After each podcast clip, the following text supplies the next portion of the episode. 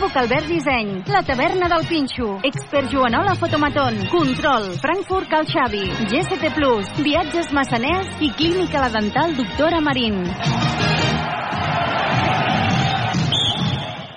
Hora 14. Catalunya Central. Eli Pagant.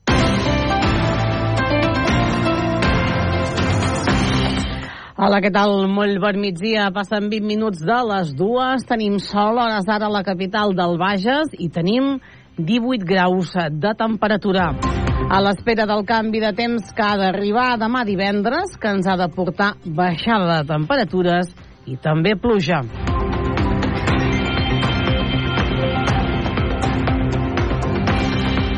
Crida de Càritas i Creu Roja per recollir mantes a Manresa. Les entitats alerten que la capital del Bages és una de les ciutats amb un percentatge més alt de pisos ocupats.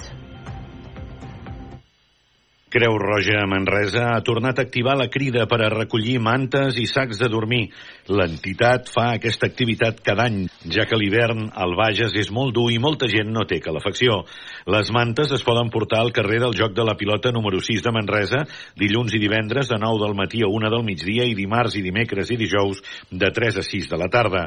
La crida és per recollir mantes i sacs de dormir, que no cal que siguin nous, però sí que siguin en condicions i nets. Estem molt contents i contentes perquè està funcionant, com bé dius, la crida, però encara necessitem més ajuda. Per tant, fem, fem aquesta crida a la població de Manresa i de la comarca a portar mantes, nòrdics i sacs de dormir. Segons Creu Roja, el 2023 es van atendre més de 460 famílies en situació de pobresa energètica i 15 de les quals eren sense llar. I és que no només es tracta de gent que no té sostre, sinó també de moltes famílies que malviuen en pisos ocupats. Segons Creu Roja, el fet que la capital del Bages hi hagi molts pisos buits n'ha facilitat l'ocupació.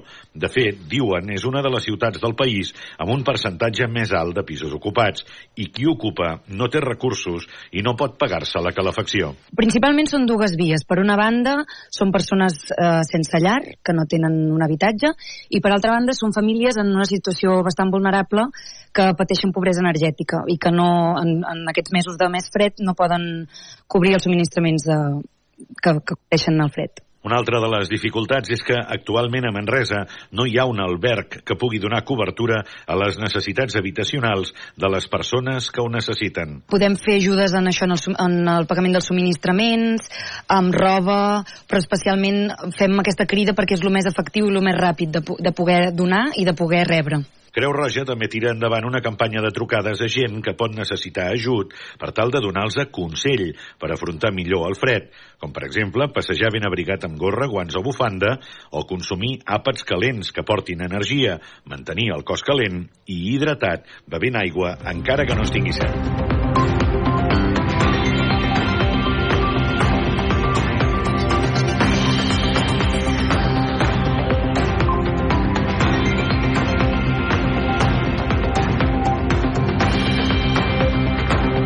Antoni Ventura, gerent d'Aigües de Manresa, és el nou vicepresident de la Fundació Aigües de Manresa, Junta de la Sèquia.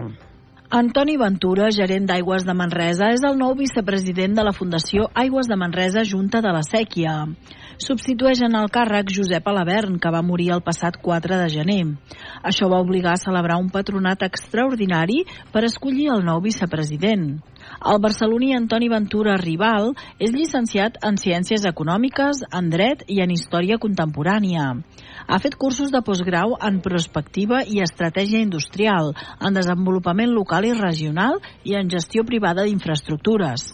El patronat de la Fundació està format per 24 membres i l'alcalde de Manresa n'exerceix la presidència.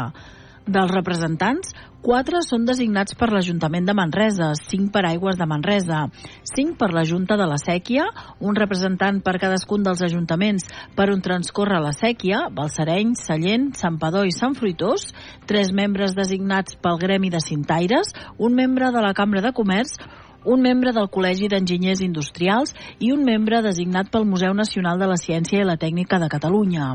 La Fundació gestiona diversos espais i equipaments vinculats a l'aigua i a la sèquia, com són el Museu de l'Aigua i el Tèxtil, el Centre de l'Aigua de Can Font, l'Infosèquia i la Casa de la Culla.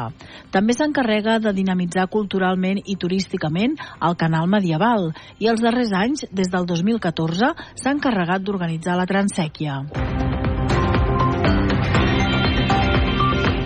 El Servei Especialitzat d'Atenció a la Bellesa del Bages fa més de 200 intervencions i atén 31 persones durant l'any passat. Les dades del servei indiquen que el maltractament a les persones grans és feminitzat, amb un 74% dels casos, i que la tipologia de maltractament més freqüent és l'econòmic i psicològic, que suposen el 29 i el 28% dels casos, respectivament. Durant l'any passat, el servei va arribar a tots els municipis de la comarca a través de la incorporació d'una treballadora social i l'augment d'hores a l'equip format per una figura professional de psicologia especialitzada i una d'advocacia.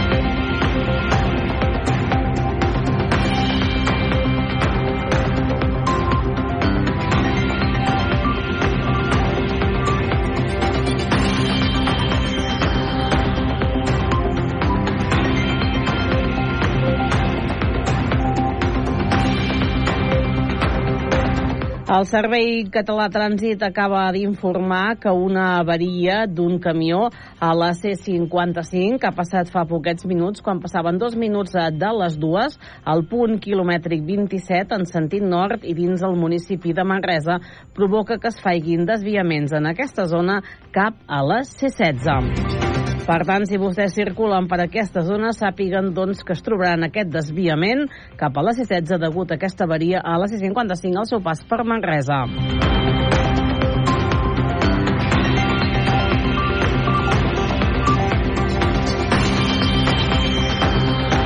Carles Casas publica nou disc, música per Ventura Pons.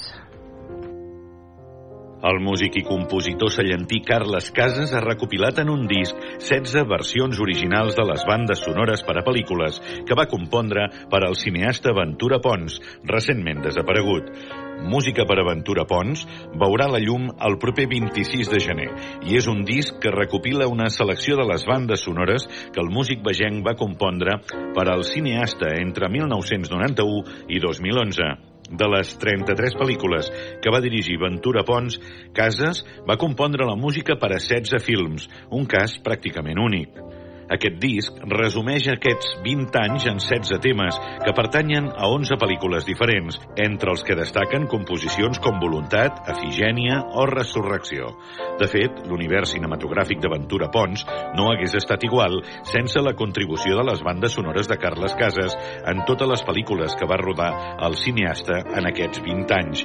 El director de cinema, guionista i productor català va morir el passat 8 de gener als 78 anys.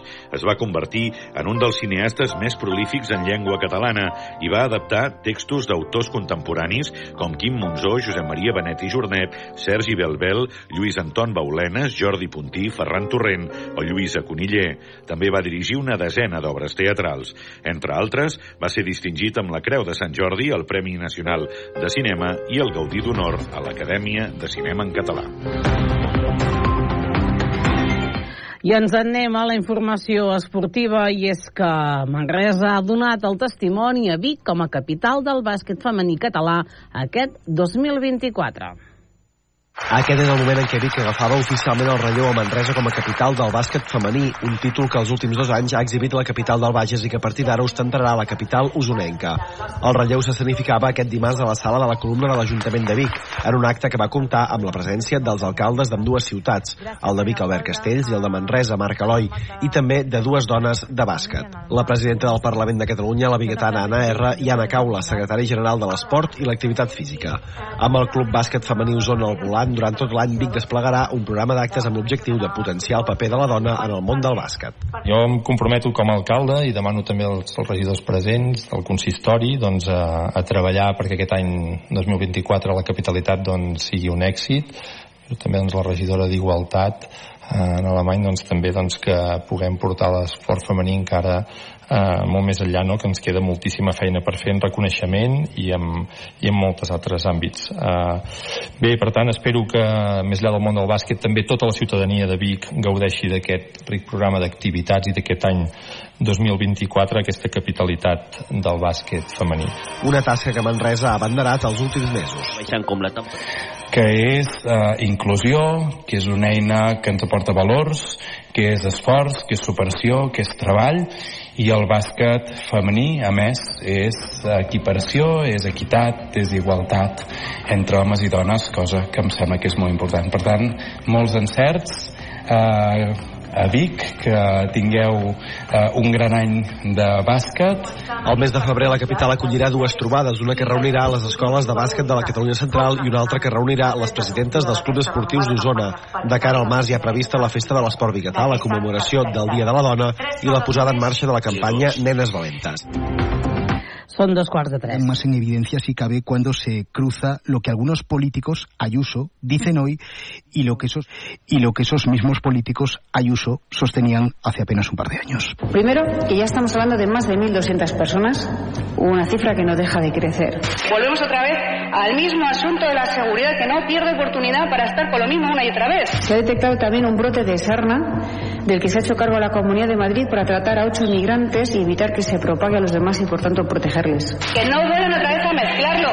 En el centro de acogida que ya ha dispuesto el Gobierno, ya se han producido varias reyertas graves, incluidas algunas protagonizadas por personas que ya han estado detenidas por la Policía Nacional. Son hechos